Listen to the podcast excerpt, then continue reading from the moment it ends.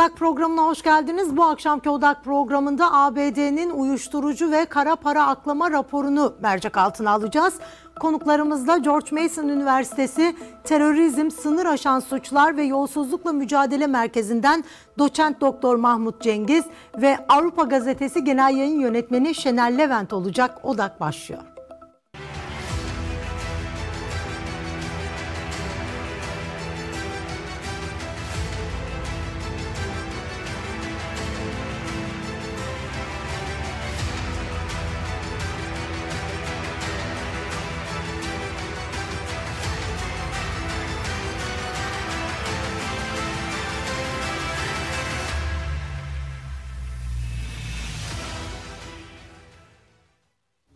ABD'nin uyuşturucu ve kara para aklama raporunu George Mason Üniversitesi Terörizm, Sınır Aşan Suçlar ve Yolsuzlukla Mücadele Merkezi'nden doçent doktor Mahmut Cengiz ve Avrupa Gazetesi Genel Yayın Yönetmeni Şener Levent değerlendirecek dedik. İki konuğumuz da karşımızda. Hoş geldiniz yayınımıza. Merhaba. Merhabalar. Hoş bulduk. İyi yayınlar. Sayın Cengiz sizinle başlamak isterim. Şimdi ABD'nin raporu iki bölümden oluşuyor. Biri uyuşturucu ile ilgili olan, diğeri de kara para aklama. Uyuşturucu ile ilgili bölümde e, en fazla dikkat çeken nokta şu ki Türkiye'de yakalanan uyuşturucu miktarının e, ve operasyonlarının giderek arttığı gibi bir bilgi paylaşılmış. Buna binaen size sormak isterim. Acaba Türkiye hakikaten ülkeye giren tüm uyuşturucuyla mücadele anlamında bu operasyonları düzenli ve düzgün olarak yapabiliyor mu? Ee, teşekkür ederim. Ee, iyi yayınlar diliyorum. Ee, tabii zor bir soru. Ee, dünya raporlarına baktığınızda, Avrupa Birliği raporlarına baktığınızda e, çelişkili durumlar da e, söz konusu. Bir yandan Türkiye'nin çok fazla yakaladığına e, yönelik e, yorumlar var, e, referanslar var. Fakat, fakat başka bir başka bir taraftan da e, Türkiye'de e, kokain olsun, eroin olsun e, birçok grubun Türkiye'ye ilgi gösterdiğini, Türk gruplarının artan bir şekilde bu alanda olduğunu biz görüyoruz. Dolayısıyla çok kısa cevap verecek olursak e, çelişkili bir durum. E, tabii diplomatik dil kullanıyorlar e, bu uluslararası raporlarda. Çok incitmemeye çalışıyorlar. E, Türkiye'nin yakalamaları olduğuna yönelik bir takım bilgiler olduğunu paylaşıyorlar. Fakat diğer taraftan e, yakalamalara baktığımızda, bölgedeki gruplara baktığımızda, mesela Latin Amerika'daki kokain gruplarının Türkiye ile eklemlenmesine baktığımızda, birazdan konuşacağız e, herhalde bu konularda. Evet, evet. E, ve e, şunu söyleyebilirim ben, e, çelişkili bir durum. E, Türkiye'nin e, yakalamaların yüksek olması e, güzel bir haber. Ülkede ciddiyet gösterildiğini belki bir noktada bize gösteriyor olabilir. Fakat diğer taraftan e, başa grupların eklemlenmesi de e, yine üzerine durulması gereken başka bir konu olarak, konuşulması gereken bir konu olarak görüyorum ben. Ee, çok kısa şunu da sorayım bu bölümde. Peki başka gruplara eklemlenmesi nedeniyle midir ki Türkiye'de ele geçirilen e, kokain ya da genel olarak uyuşturucu miktarı aslında son durağı Türkiye denen uyuşturucu miktarının çok çok altında aslında değil mi? E, Türkiye'nin bu noktada e, kaynak, hedef ve e, transit ülke rolüne bakarsak belki daha iyi anlayabiliriz diye düşünüyorum. Ülkeler normalde 3 3 alanda kategorize ediliyorlar. E, uyuşturucu kapasitelerine göre kaynak, e, transit ve e, bir diğeri de hedef ülke. Türkiye 60-70'li yıllarda bu uyuşturucunun e, Güneydoğu Asya'dan Afganistan'a kaymasıyla birlikte e, transit ülke olmaya başladı ve o yıllarda yine Türkiye'de yakalanan laboratuvarlar vardı, imalathaneler vardı. Bakın imalathane ve laboratuvar yakalaması önemli bir göstergedir. O ülkenin kaynak ülke olduğunu gösterir bize. E, fakat son yıllarda yine 2010'lu yıllardan itibaren Türkiye'de biz yine laboratuvar ve imalathaneler yakalandığını görüyoruz. Bu da bize sanki Türkiye'nin bir kaynak ülkede olabileceğini son yıllar gösteriyor. Her ne kadar yakalamalar fazla olsa da. Bir diğer başlık bu noktada transit ülke durumu Türkiye'nin. Türkiye başından beri e, Orta Doğu coğrafyası, Afganistan'a eroin taşınmasıyla birlikte Türkiye başından beri transit ülke olma özelliğini hiç kaybetmedi. Çünkü Balkan rotası üzerine olan bir ülke. Balkan rotası da Afganistan'dan başlayıp İran, Türkiye devamından e, işte Batı Avrupa ülkelerine eroinin sevkiyatının yapıldığı bir ülke. Dolayısıyla sadece eroin olarak değil bakın e, yine Doğu Avrupa ülkelerinde üretilen bu sentetik grubuna giren ekstazidir, kaptagondur. Bunların da bizde Türkiye üzerinden her ne kadar son yıllarda Suriye'ye kaysa da bu laboratuvarlar Orta Doğu ülkelerine, Körfez ülkelerine bir sevkiyatın yapıldığını biliyoruz. Başka bir mesela transit ülke olduğunu gösteren bir durum Türkiye ile ilgili E, asit yakalamaları var Türkiye'de. Evet. Asitle, e, asit, asit e, eron yapımında kullanılan bir madde ve Hollanda ve Belçika'da üretilen bir madde bu. İlginç bir şekilde ters bir güzergahla bu madde de yine Türkiye üzerinden ama tabii sadece, sadece Türkiye değil alternatif güzergahlarından biridir Türkiye. Türkiye üzerinden İran ve Afganistan'a bir sevkiyatın yapıldığını görüyoruz. Son olarak Türkiye hedef ülke mi? Ee, burada şöyle cevap vermek mümkün. Ee, yine kullanıcı sayılarına baktığımızda, e, yıllık operasyonlara baktığımızda bakın geçen sene Türk polisi 143 bin yakalama operasyon yapmış. Bir yandan başarı olarak görülebilir fakat diğer taraftan da kullanım yaygınlığı açısından da bize bazı fikirler veriyor olabilir diye düşünüyorum ben. Dolayısıyla Türkiye zaman zaman değişmekle birlikte bir kaynak ülke ama her zaman bir transit ülke. Yine zaman zaman değişmekle birlikte son yıllarda artan bir şekilde Türkiye'nin ben kaynak ülke olduğunu söyleyebilirim. Evet. Sayın Şener Levent siz de tekrar hoş geldiniz yayınımıza. Merhaba. Ee, biz sizinle bu ekranlarda çok sıklıkla bu konuyu konuştuk. Acaba Türkiye e, Kuzey Kıbrıs'ı bir arka bahçe olarak mı kullanıyor? ABD'nin kara para aklama bölümünde de bu konuya yer verilmiş. KKTC'nin uluslararası hukuk ve bankacılık sisteminin içinde olmamasından dolayı kara para aklamak için bir bölge olduğu ve bu bölgenin tam da saydığım bu nedenlerden dolayı denetlenemediği de söyleniyor. E, sizce Kuzey Kıbrıs bir kara para aklama cenneti midir? Böyle görüyor musunuz siz? Yeni bir hat yani Kıbrıs'ın bir uyuşturucu transit merkezi olduğu yeni bir haber mi bu? Amerika Birleşik Devletleri bunu yeni mi öğrendi? Avrupa Birliği bunu yeni mi öğrendi? Bu konuda Rusların bile yazılmış kitapları vardı. Kıbrıs'tan gelip geçen Rusların, ben Rusça o kitapları da okudum. Ve Ruslar bile burasının bir uyuşturucu transit adası olduğunu açıkça yazdılar o kitaplarında. Her iki tarafında da Kıbrıs'ın hem güneyde hem kuzeyde büyük bir uyuşturucu ticareti vardı. Hatta güneydeki emekli bir yargıç beni bir gün kendi bürosuna davet etti ve bana uyuşturucu ticaretinin nasıl yapıldığını anlattı. Limasol limanına her hafta gelen gemiden bahsettiğim, her hafta gelen konteynerden bahsettiğim, devletin bu işin içinde nasıl olduğunu anlattı. Kısacası her şey. Ben de ona sordum, niye bana anlatıyorsun bunları? Güneyde gazeteciler yok mu? Rum gazeteciler. Bunları yazmıyorlar mı? Hayır dedi bana. Onlar yazamazlar.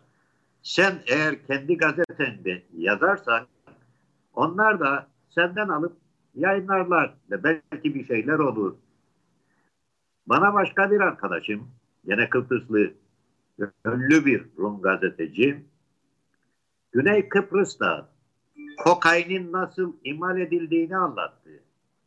İki tane ilaç fabrikası varmış ve bu fabrikalardan birinde rahatlıkla kokain üretiliyor Bunlar bildiğimiz mangallarda mangal var ya onların alt tabakasında oraya özel olarak yerleştirilmiş işte başka e, bir şeyle dünyaya da ihracat yapılıyor. Hatta Güney Amerika kıyılarında yakalanan böyle bir gemide böyle mangallardan bu kokainin çıktığını da kendisi bana anlattı. Bu ciddi bir gazeteci ve ciddi kaynaklardan elde ediyor bu bilgileri. Şimdi kuzeye dönelim. Kuzeyde ne var? Tabii ki burada da uyuşturucu var, kara para var. E burada böyle şeylerin olmasından daha doğal ne olabilir? Burası Türkiye'nin elinde zaten 48 yıldır. Kendi parası olmayan hayalet bir devlet Türk lirası kullanıyor ihracatı yok. Türkiye'den bir buçuk iki milyar dolarlık ithalat yapıyor yılda ve ancak 100 milyon dolarlık satış yapabiliyor oraya. Yani ihracat geliri diye bir şey yok. Peki tanınmamış bir yer. ambargo altında. E peki sokaklara baktığımız zaman lüks arabalar görüyoruz, villalar görüyoruz. Sokaklarda yatan insanlar yok. Brüksel'deki kadar bile dilenci yok sokaklarda. O halde soralım bu para nereden? Nereden bu para? Bu para kara paradır. Gazinolardan, e, gece kulüplerinden, uyuşturucudan ve bir de ticarethane haline gelen üniversitelerden ki gelen birçok e, öğrenciye Afrika'dan bu işler de yaptırılıyor. Burada bunlar bilinmeyen şeyler değil. Yani bu korsan kara parçası Kıbrıs'ın kuzeyi kara para üstünde oturuyor zaten. Bu yeni bir şey değil. Yani Amerika Birleşik Devletleri'nin ve Avrupa Birliği'nin e, şimdi bu raporları yayınlamasına ben hayret ettim. Yani bundan gerçekten haberleri yok muydu? Ciddi olarak uyuşturucu ve kara para ile mücadele mi etmek istiyorlar? Bu benim için çok yeni bir e, yani bir şey. Bununla mücadele etmek istiyorlarsa. Yine mücadele etmek derken e, şu şu bilgiyi de paylaşmışlar. E, diyorlar ki biz Türkiye'li makamlara birlikte çalışmak için davetler gönderdik ancak bu davetlerimiz kabul görmedi. Yani Amerika'nın davetleri kabul mü görmedi? kabul etmemiş Amerikalı yetkililerle uyuşturucuya karşı birlikte e, çalışmayı. Kıbrıs sorunu çözmedikleri bu konuda dalga geçiyorlar. ya bu mümkün olan bir şey değil. Amerika'nın isteyip de Kıbrıs'ta burada yaptıramayacağı bir şey mi var?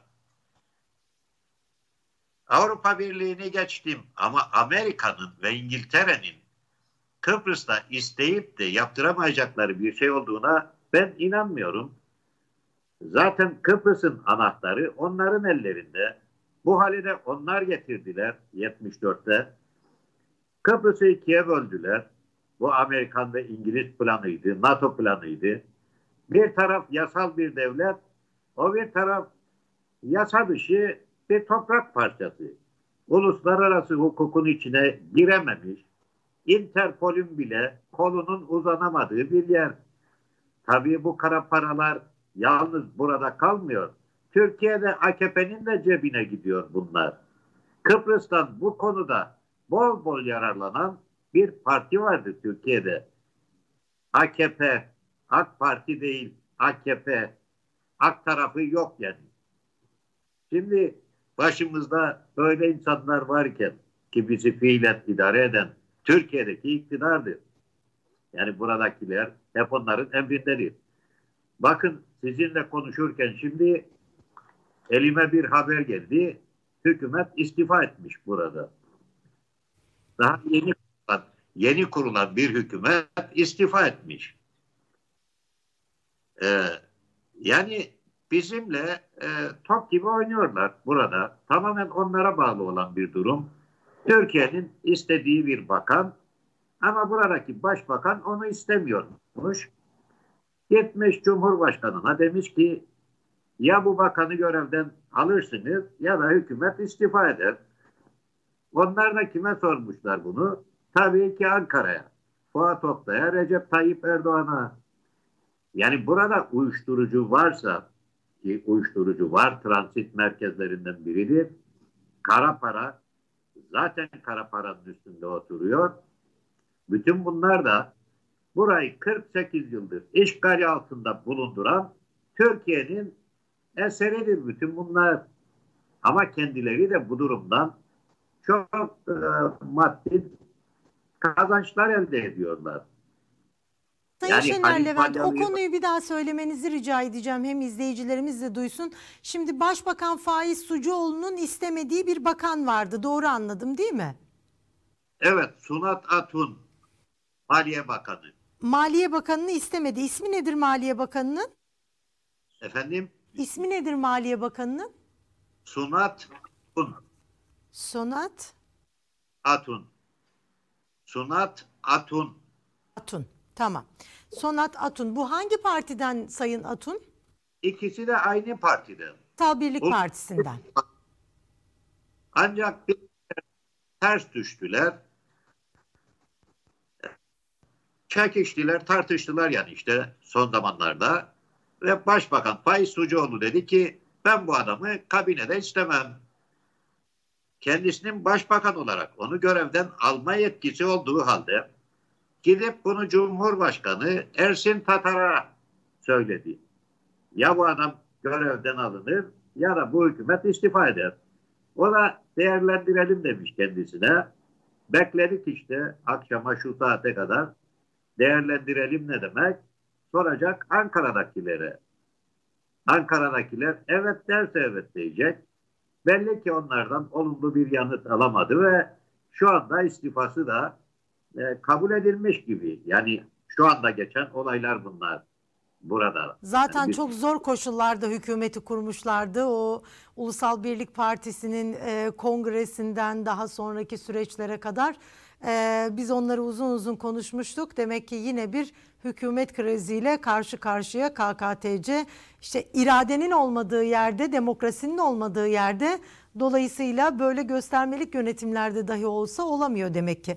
Sayın Cengiz tekrar size dönmek isterim. Şimdi e, o kadar çok haberler geliyor ki Ekvador'dan, Kolombiya'dan işte e, İspanya'da yakalanıyor uyuşturucular e, deniyor ki son durağı Mersin limanıydı. Son durağı Türkiye'ydi. Son durağı şurasıydı ve tonlarla ifade ediliyor bu uyuşturucu e, satış e, yakalanan uyuşturucular. E, Latin Amerika'dan gelen özellikle Latin Amerika ile ilgili Türkiye'nin e, bu ticarette nasıl bir e, yeri var size göre? Kaynak ülkemi, transit ülkemi, hedef ülkemi biraz önce anlattınız ama Latin Amerika ile ilişkilerini değerlendirmenizi rica edeceğim. Bir sorum da şu, siz de mutlaka görmüşsünüzdür Ali Osman Akat. E, iktidara yakın bir isim kendisi. E, hatta YouTube hesabında bir video bile yayınlamış ki kendisi yayınlamış bir klip yapmış. E, AKP iktidarı ve bakanlarıyla hangileriyle fotoğraf çektiyse hepsini tek tek koymuş. Bunlardan en çok dikkat çekenler tabii ki Cumhurbaşkanı Recep Tayyip Erdoğan, Binali Yıldırım, İçişleri Bakanı Süleyman Soylu, Dışişleri Bakanı Mevlüt Çavuşoğlu böyle e, fotoğrafları bir albüm olarak paylaşmış. E, bu şirket e, kozmetik işiyle uğraşıyor. Kolombiya'dan e, onun sahibi olduğu şirkete bir paket gönderiliyor. Bu paket Almanya'da e, havaalanında tespit ediliyor ki bu paketlerden ikisinin içinde 111 kilo kokain var. Aslında bu kozmetik e, ihracatı öyle görünüyor. Kozmetik yerine kokain gönderiliyor. Almanyalı makamlar Türkiye ile ilişkiye geçiyor ve bütün bunlar da 4 ay önce oluyor. Onlar da e, çok sık rastlanmayan bir yöntem uyguluyorlar. Kontrollü e, teslimat. Bu kontrollü teslimatta işte e, o firmanın sahipleri, yöneticileri gözaltına alınıp tutuklanıyorlar. E, ve 4 ay sonra da Türkiye'de kamuoyunun haberi oluyor bu operasyondan. Nasıl değerlendiriyorsunuz bunları? Ee, bir yoruma göre e, hazır Akat'ı sormuşken e, Almanya'dan gelen baskı olmasaydı sanki e, Türkiye'deki e, durumda operasyona dönüştürülemeyecekti gibi yorumlar da var. Evet. Şahsen katıldığımı söyleyebilirim. E, bu soru öncesinde sanki bir şeyi böyle daha e, açık hale getirmekte fayda var diye düşünüyorum. E, Türkiye'de kimler, hangi gruplar bu işin içerisinde? Şimdi dünya örneklerine baktığımız zaman e, üç tür ilişki var. Uyuşturucu ve devlet arasında, uyuşturucu grupları devlet arasında. Birinci grupta devlet çalışanları, siyasiler bizzat bu işin içerisinde. İşbirliği yapan grup olarak değerlendiriliyor bu grup. İkinci grup tolere edenler, göz yumanlar. Bu da rüşvet karşılığı daha çok yolsuzluk ilişkileri burada ön plana çıkıyor. Üçüncü grup da bu bölge kontrolü yapan, bölgeyi kontrol eden gruplarla devletin yüzleşmesi. Çünkü devlet bunu bir egemenlik sorunu olarak görüyor. Meksika'da gördüğümüz gibi tek egemen devlettir. Dolayısıyla başka grupların kontrolüne izin vermiyor. Şimdi bu üç tür ilişki içerisinde ben Türkiye'yi değerlendirdim de birincisi işbirliği yapanlar dedik. Devletten birileri olması dedik. Bir ikincisi göz yuman ve e, tolere edenler dedik. Sanki Türkiye'de Peker'in açıklamalarını hatırladığımızdaki ilk başta bahsettiğiniz Amerikan e, uyuşturucu raporunda Peker'e de referans var. E, ciddi aldıklarını gösteriyor Peker'in ifadelerini. Her ne kadar Türkiye'de bununla ilgili bir somut bir, bir takım şeyleri göremesek de. E, şunda hem fikiriz diye düşünüyorum ben. Bir, Türkiye'de e, devletten birileri bu işin içerisinde aktif bir şekilde. O yüzden çok e, soruşturmalarda nazlı davranıldığını düşünüyorum ben. Ağırdan alındığını düşünüyor, düşünüyorum. Hatta ben konuşmalarımda çoğunlukla Türkiye konuşmalarımı, uluslararası raporları referans vermeye çalışıyorum. Çünkü maalesef Türkiye'de son yıllarda bu konuda herhangi bir soruşturma, ciddi bir dona göremediğimiz için mecburen e, komplo teorisi de vermemek için uluslararası raporları referans vererek bir şekilde paylaşmaya çalışıyorum. E, tabii ikinci grup Türkiye'de bakın tolere etme ve göz yumma. E, son yıllarda ciddi sunulan fırsatlar var. Şimdi neden Latin Amerika sorusu da belki karşımıza çıkıyor. Neden kokain ticareti bu kadar e, Türkiye'de arttı?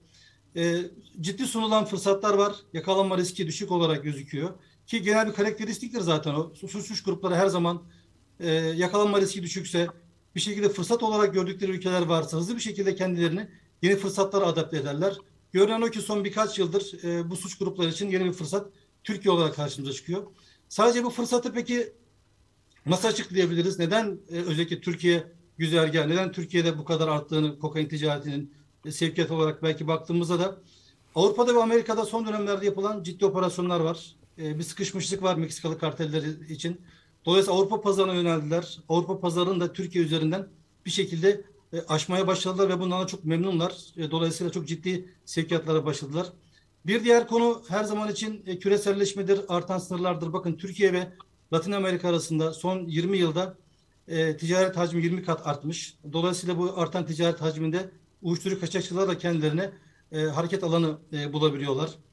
E, bir diğeri bakın çok önemli yolsuzluk. Şimdi dünyada yolsuzluk indeksi var. E, Uluslararası Şeffaflık Örgütü'nün hazırladığı.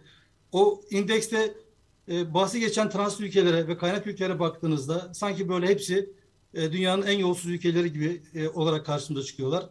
Yolsuzluk ne demektir? Az önce Şener Bey de bahsetti. E, kara para çok kolay bir şekilde aklanabilir. Devlet çok kolay bir şekilde bu işin içerisine girebilir. Çünkü şöyle bir garantileri var. Yani bir şekilde hesap verecekleri bu insanlar düşünmüyorlar. O da neden? İlk başta bahsettiğim birinci grup vardı ya devletten birilerinin bu işin içerisindeyse eğer İş bu zaten bir mesajdır. Diğer gruplar hızlı bir şekilde eklemlenmeye çalışır. Çünkü aynı şekilde bu fırsattan fırsatı kullandıklarında herhangi bir riskle karşılaşmayacaklarını biliyorlar. Bakın diğer bir konu neden Türkiye kokain? E, Taliban e, sonrası, öncesi ve sonrası çok fazla bir şey değişmedi açıkçası Taliban sonrası. Eroin arzı e, artan bir şekilde devam ediyor. Hızlı bir şekilde eroin arzı olduğu için de fiyatların düştüğünü biz biliyoruz eroin arzında.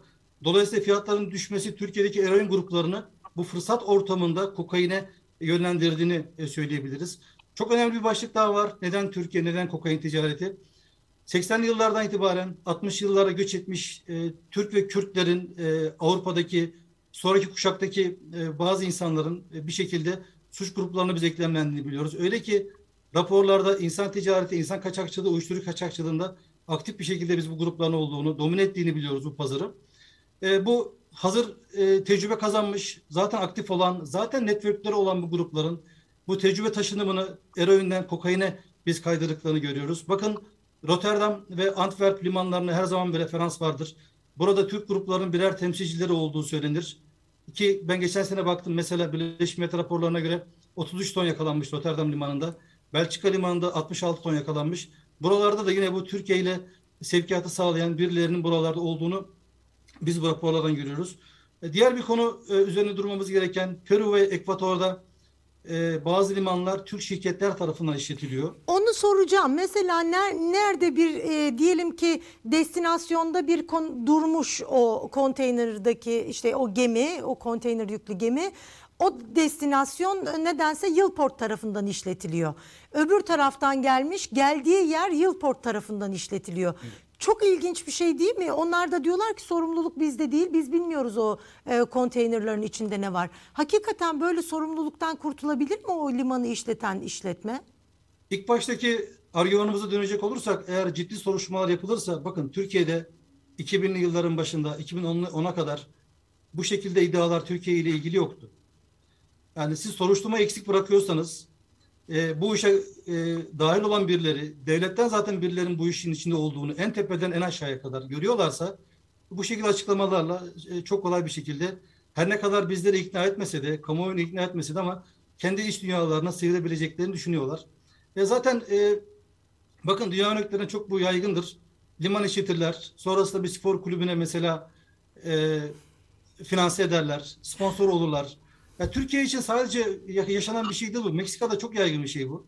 Ben yıllardan beri Amerika'da narko terörizm dersi de veriyorum aynı zamanda. Evet. uyuşturucu gruplarını, Meksikalı grupları anlatmaya çalışıyorum. Ya, Türkiye'ye ben baktığımda açıkçası çok şaşırmadım.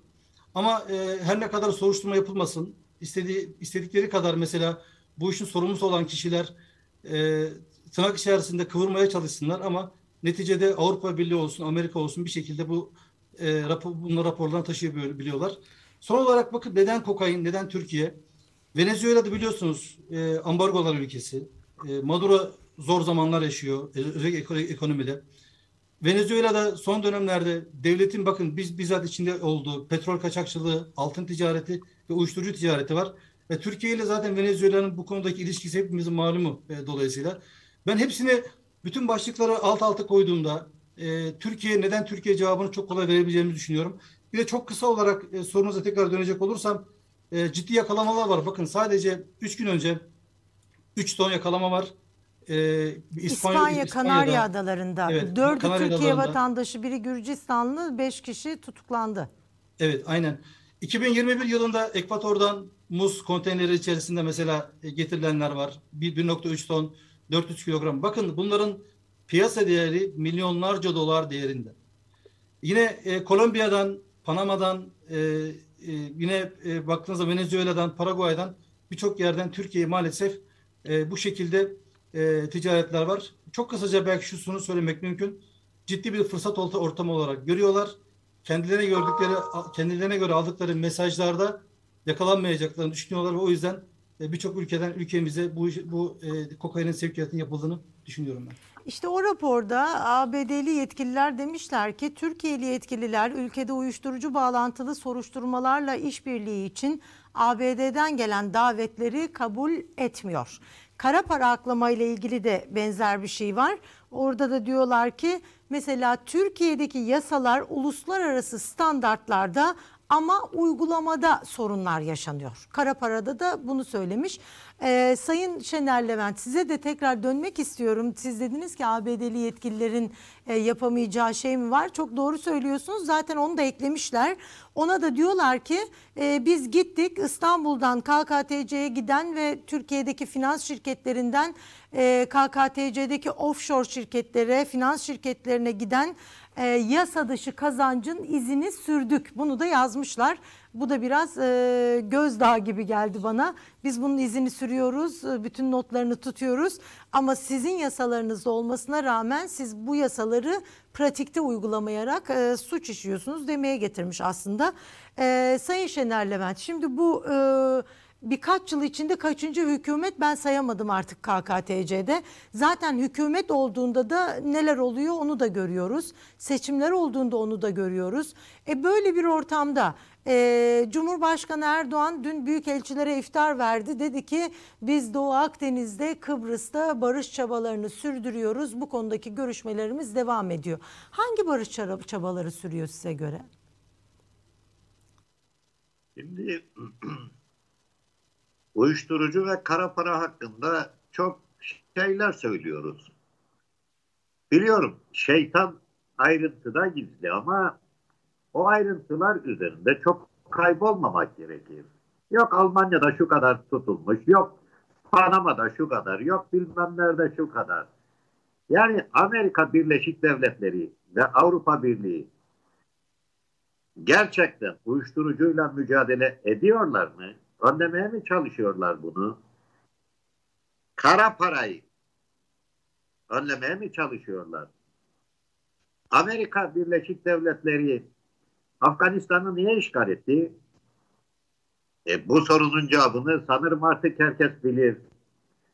Wikileaks'in kurucusu Julian Assange neden hala hapiste İngiltere'de Belmarsh hapishanesinde?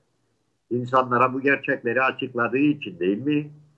Bu devletlerin kirli çamaşırlarını ortaya serdiği için kendisine dünyanın en büyük gazetecilik ödülü verilmesi gereken adam Julian Assange hala hapiste bütün bunlardan dolayı cezalandırılmadı mı? Ve şimdi biz Amerika'nın ve Avrupa'nın uyuşturucuyla mücadelesini mi konuşuyoruz? Bunları yapanlar bunlar değil mi? Kabul edelim ki Türkiye'nin kara para akladığını ve uyuşturucudan bütün bu gelirleri elde ettiğini saptadılar kesin olarak. Ne yapacaklar Türkiye'ye karşı? Türkiye'ye karşı herhangi bir yaptırım mı uygulayacaklar? Hayır. Amerika'da yakalanan Zarrab'a ne yaptılar? Hiçbir şey. Zarrab'dan çok şey öğrendiler. Ama Zarrab'ın söyledikleri orada kaldı. Yapmaları gerekenleri ne Halk Bankası konusunda ne de Zarrab'ın anlattıkları konusunda hiç ileri götürmediler. Kıbrıs'ta 48 yıldır bizi işgali altında bulunduruyor. Peki Türkiye'ye ne yaptılar? Yaptırım mı uyguladılar? Bakın Ukrayna'ya nasıl bir küresel küresel bir yaptırım. Biz burada 48 yıldır çekiyoruz bunu. Ukrayna'yı Ruslar nasıl bombaladıysa Kıbrıs'ı da Türkiye öyle bombaladı. E peki bunlara bir şey yok. Yaptırım yok. Belarusya Başkanı Lukashenko diktatör. Ona yaptırım uyguluyor. E peki Recep Tayyip Erdoğan diktatör değil mi? Bence Lukashenko'dan beş beter diktatör. Ona bir şey yok. Şimdi bütün bunları yapmayanlar onun uyuşturucu ticaretini keşfettikten sonra kara para aklamasını keşfettikten sonra ona karşı tedbir mi alacaklar? Eğer gerçekten Amerika ve Avrupa uyuşturucuya karşı, kara paraya karşı mücadele ediyorlarsa gelsinler birlikte mücadele edelim. Böyle bir şey yoktur. Ben inanmıyorum buna. Ne demin siz hayalet ada dediniz ya Kuzey Kıbrıs'la ilgili. E, bu hayalet ada olma durumu e, yani uluslararası sistemin içinde olmaması sizce bu kara para aklamanın daha e, ayyuka çıkmasına sebep olmuyor mu? Tamam uluslararası hukuka dahil olmaması e, kendisine bütün bu işleri yasa dışı işleri yapmada büyük kolaylık sağlıyor. Ama bütün meselede bu diyemeyiz. Uluslararası hukuk diye bir şey kalmadı zaten. Bunu en başta süper devletler çiğnedi. Bakın Güney Kıbrıs Avrupa Birliği Kıbrıs ama güneyinde uygulanıyor Avrupa Birliği'nin yasaları. E peki orada hallettiler mi bu işi? Uluslararası hukuka dahil olan bir Kıbrıs. Ama orada da büyük uyuşturucu ticareti vardır. İşte size anlattım. Emekli yargıç bana dakikası dakikasına bu ticareti anlattı. Gazeteci arkadaşım da anlattı. Onlar uluslararası hukuka dahil. Biz diyebiliriz ki biz uluslararası hukuka dahil olmadığımız için bütün bunlar oluyor. Olsak ne olacak? Ha onlar o tarafta öyle. Fakat buna rağmen e, bunu yapıyorlar. Aslında Ne de uluslararası hukuka dahil ama işte bu kara para meselesini KKTC üzerinden yaptığı söyleniyor. KKTC de yapıyorlar. KKTC de çok şey yapıyorlar. Mesela insan ticareti konusu. Geliyor buraya mülteciler Türkiye üzerinden ve bunları Kıbrıs'ın güneyine atıyorlar. Yani buradaki e, güçler, askeri güçler, polisiye güçler işte herdeyse o tarafa bunları gönderiyorlar. Bir şekilde geçiriyorlar o tarafa. Rum tarafı bundan çok şikayetçi. Bu son buluşmalarında da Ersin Tatar ile Anastasiadis iki cumhurbaşkanı işte onlarınki ve bizim liderimiz bundan şikayetçi oldular. Buna karşı tedbir alınmasını istediler. Bu taraftan yüzlerce mülteci o tarafa gönderiliyor. Yani burası korsan bir toprak parçası. Dünyada suç işleyen herhangi birisi geliyor buraya, Girne'ye yerleşiyor, yıllarca aramızda yaşıyor, bir sürü de iş çeviriyor, kendisine kimse dokunmuyor. Yani Interpol tarafından aranan birisi. Böyle şahısları çok gördü burası. Bildiğiniz gibi Kıbrıs'ta olup biten her şeyden Kıbrıs'ın kuzeyinde olup biten her şeyden Avrupa İnsan Hakları Mahkemesi Türkiye'yi sorumlu tutuyor. Ben buradaki herhangi bir yetkiliyi dava edemem. bu mahkemede.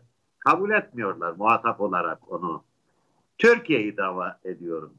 Herhangi bir cinayet durumunda bile eğer şikayetçiysem burada e, haksız kararlar var falan diye orada da Türkiye aleyhine dava açabiliyorum ancak Kutlu Adalı davasında olduğu gibi yeterli soruşturmayı yapmamış burada. Yani bütün bu meselelerden sorumlu olan Türkiye'dir ve onun arka bahçesidir burası. Kalın bağırsağıdır burası. Burada istediği her türlü yasa dışı işi rahatlıkla yapabilir. Bunu Amerika'da bilir, Avrupa Birliği de bilir. Bakın Amerikan Dışişleri Bakanlığı Müsteşarı buraya geliyor ve ne diyor? Kıbrıs'ın güneyindeki basın toplantısında şimdi de gidip Cumhurbaşkanı Tatar ile görüşeceğim diyor. Aslında ağzından kaçırmıyor bunu. Bunu bilinçli olarak söylüyor. Çünkü istedikleri budur. Yani iki ayrı devlet. İngiltere Savunma Bakanlığı ne yapıyor? Kıbrıs'ın haritasını yayınlıyor. Ama kuzey yok. Baktığınızda Kıbrıs olduğuna bin tane şahit ister o haritanın. İngiliz üsleri yok. Sadece Kıbrıs'ın güneyi Rumların kontrolü altında olduğu bölge ve işte buna Kıbrıs'tır diyorlar bize. Bunlar da bilinçli olarak yapılan hareketler. Dolayısıyla bütün bunları yapanların uyuşturucu ya da kara para konularında samimi olduklarına ben inanmıyorum. Onların bunlardan ne kadar para elde ettiğini tabii ki bilemeyiz. Ama Türkiye'deki iktidarın cebine para girdiğini burada pek çok kişi biliyor. Zaten yani onlar da payını almasalar bu iş nasıl yürüyecek burada? Her şeyi rahatlıkla kontrol edebilecek imkana sahiptirler. Burada 68 bin Türk askeri olduğu en son çıkan uluslararası raporda yazıldı. Bu kadar asker, 3 bin güvenlik kuvvetleri ordusu ayrıca 2500 polis ordusu e, bütün bu güçler bunun içinde ve bunları önleyemiyor mu? Mümkün değildir bu. Bunlar yapıyorlar bu işi. Yani bunların desteğinde olur bir şey olursa. Dolayısıyla rapora yazılmış. E yazılsın ne olacak? Yeni mi fark ettiler bunu? Benim için yeni bir haber bile değil bu. Türkiye'deki diktatörlüğü görmüyorlar. Burada Kıbrıs'ın işgal altında olduğunu hala görmüyorlar. Ve ansızın bir kara para raporu, uyuşturucu raporu. Hayır. İnsan hakları ve demokrasi raporu da var ama bizim bugünkü konumuz bunlardı o yüzden. Efendim? İnsan hakları ve demokrasi raporu da vardı. Türkiye epey bir tepki gösterdi. Onu da anlamadım. Sayın Cengiz'e birazdan soracağım. Bu rapora hiç tepki göstermedi Türkiye. İnsan hakları raporuna tepki gösterdi. Amerika kendisine baksın. Biz gayet demokratik ve insan hakları usullerine göre e, davranan bir ülkeyiz dedi. Onu da soracağım birazdan. O rapor da var. Ee, onu da söylemiş olalım. Amerikalı haklarından Amerika'nın insan haklarından bahsetmeye hiç hakkı yoktur.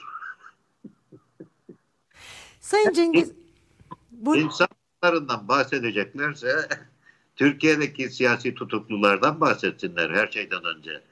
Berkin'i ve Ali Korkmaz'ı nasıl öldürdüklerinden bahsetsinler. Güneydoğu'daki köyleri nasıl dümdüz ettiklerini, bombaladıklarını, insanları yok ettiklerinden bahsetsinler. Amerika'da biliyor bunları, Avrupa'da biliyor bunları.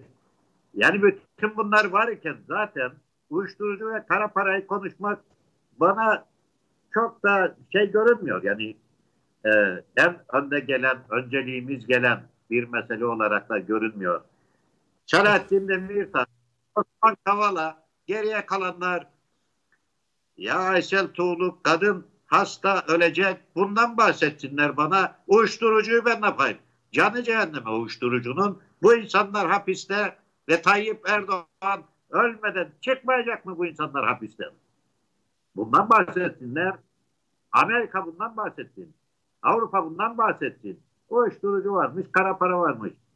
E olacak tabii. Zaten korsan bir devlet parçası. Korsan bir kara parçası burada. Ne parası var, ne bilmem nesi var. Ama yaşayıp gidiyor işte herkes. Nereden? Kara paradan. Kara paranın üstünde oturuyor. Türkiye buraya bir para vermiyor.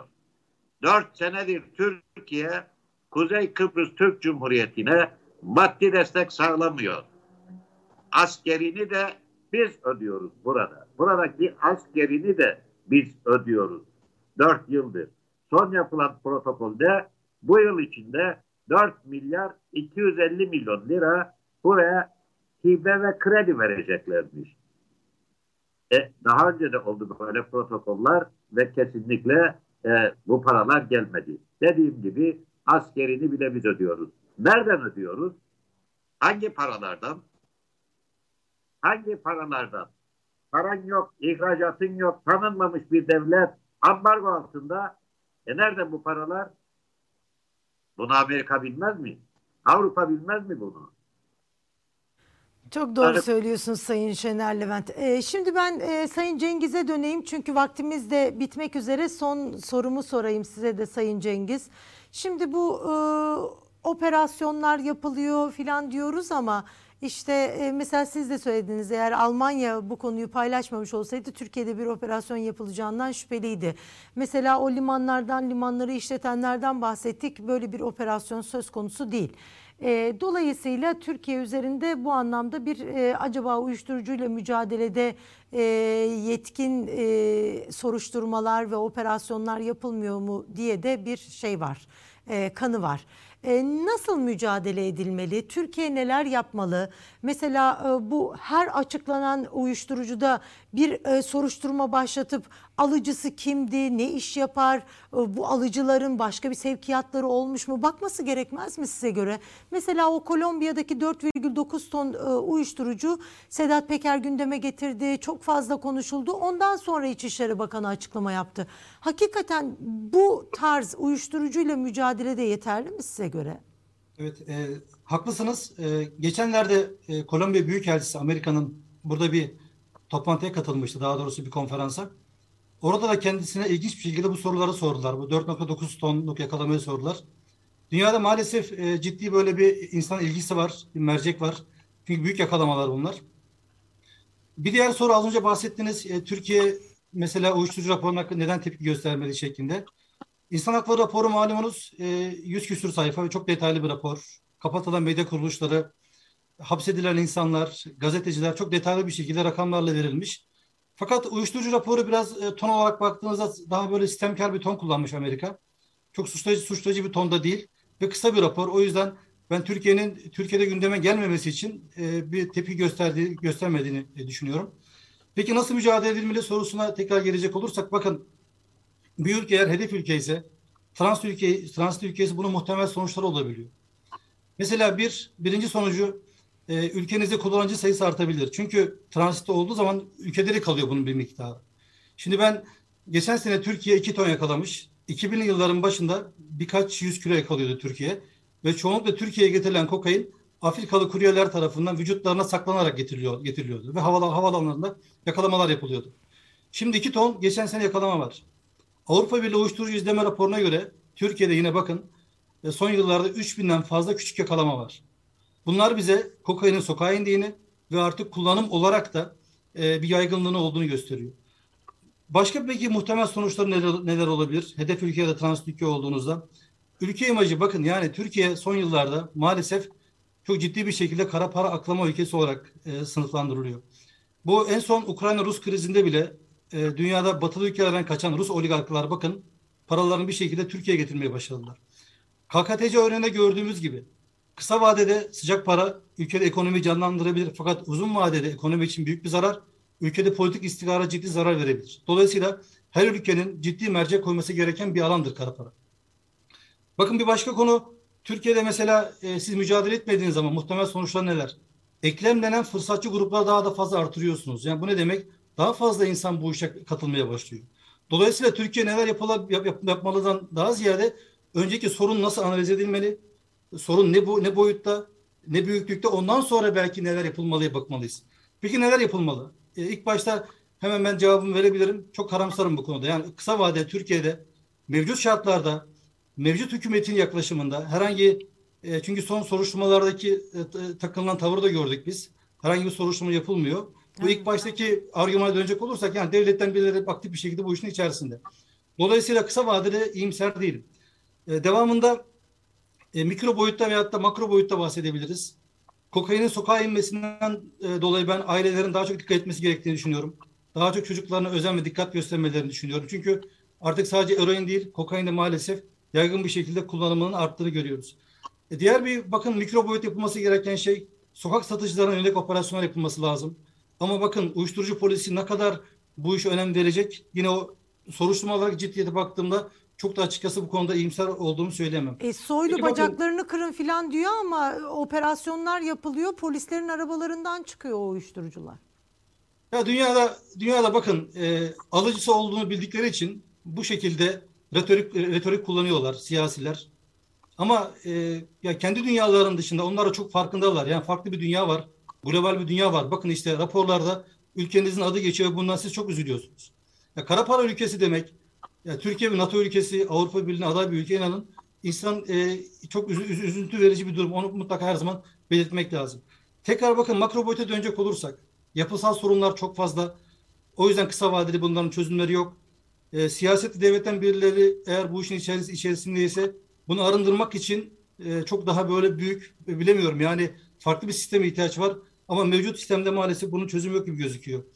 Yolsuzluk bakın eğer yolsuzluğu çözemiyorsanız Türkiye 2012 senesinde Dünya Yolsuzluk İndeksinde 45. sıradaydı bakın. Yani ilk ilk e, sıraya yerleşen ülkeler yolsuzluğun az olduğu ülkeler. E, s- sıra sonlara gittikçe yolsuzluğun da arttığı ülkeler olarak değerlendiriliyor bu. Bakın geçen sene Türkiye 96. sırada yer aldı. Bu da bize ülkede yolsuzluğun ciddi bir sorun olduğunu gösteriyor. Ne demek bu? Eğer yolsuzluk varsa gümrüklerinize güvenemezsiniz, kolduğunuza güvenemezsiniz demektir. Bir diğer konu yine yapısal bir sorun. Kara para aklama. Çok iyimser değilim. Türkiye sadece son 10-20 yıldır değil 40-50 yıldan beri bu konuda çok nazlı davranan, sıcak paraya daha çok önemseyen ve e, çok da böyle kara para konusunda ciddi bir tavır sergilemeyen bir ülke. Umarız gelecekte biz bunu görürüz ama göreceğimiz zamana kadar Ezo Hanım sanki bu programları daha çok yapacak gibisiniz. Latin Amerika'dan kokain, Afganistan'dan eroin, devletten birilerinin bu işin olması gibi sanki daha çok olacak gibi. Belki diğer bir konu son olarak şunu söyleyeyim. Ülkeler arası işbirliği çok önemli. Az önce bahsettiniz. E, polis irtibat görevlileri, Amerikan DEA var, Avrupa Birliği'nin kuruluşları var. Türkiye'nin kendi polis irtibat görevlileri var bildiğim kadarıyla Avrupa'da ve Amerika'da. Bunlar üzerinden çok kolay bir şekilde işbirliği yapılabilir, sağlanabilir. E, aklıma gelmişken e, bu KKTC'nin e, Amerika raporunun olması ilk defa olan bir konu değil bu. Son 10 yıldan beri her zaman referans var. Bir de Amerika sadece e, uyuşturucu raporu hazırlamıyor. Siz de bahsettiğiniz insan hakları raporu hazırlıyor. Terör raporu hazırlıyor ve insan ticareti raporu hazırlıyor. Avrupa Birliği de yine Amerika'ya bu konuda eşlik eden kuruluşlardan bir tanesi. E, belki son söz şu olabilir. Maalesef e, biz bu raporlarda son yıllarda hiç ama hiç iyi bir şekilde gösterilmiyoruz. Evet. Sayın Mahmut Cengiz, Sayın Şener Levent çok teşekkürler yayınımıza katıldığınız için. Ben teşekkür Bunu da eklemek istiyorum. Bizim Escobar'larımız yok. Ama Escobar'cıklar var. Türkiye'de onları biliyor. Escobar aramasınlar burada. Ee, burada Escobar'lar yok. Başka şeyler vardır. Sorunumuz ekonomik sorunlar, uyuşturucu, kara para olabilir. Ama her şeyden önce Kıbrıs'tan bahsederken siyasi sorundan bahsedeceğiz. En başta siyasi sorundan. Onu atlayarak başka yerlere geçemeyiz o zaman. En başta Hükümet krizleri o kadar çok ki bahsetmemeye imkan vermiyor. Efendim? Hükümet krizleri o kadar çok ki Kıbrıs'tan bahsederken e, siyasetten bahsetmemeye imkan vermiyor bize. Evet. siya- Siyasetten bahsetmeden dediğim gibi ekonomik krizlerden bahsedemeyiz. Bunların sorumluları da bu dünyanın zaptiyeleri kesilenlerdir. En başta sorumlu tutmamız gereken makamları biz de gayet iyi biliyoruz. Mücadele edebilirsek onlara karşı mücadele edeceğiz. Ediyoruz da zaten. Evet. Budur. Çok teşekkürler. İyi akşamlar. Teşekkür ederiz. İyi yayınlar diliyorum. Bu akşam Odak programında ABD'nin uyuşturucu ve kara para aklama raporunu George Mason Üniversitesi Terörizm, Sınır Aşan Suçlar ve Yolsuzlukla Mücadele Merkezi'nden doçent doktor Mahmut Cengiz ve Avrupa Gazetesi Genel Yayın Yönetmeni Şener Levent değerlendirdi. İyi akşamlar.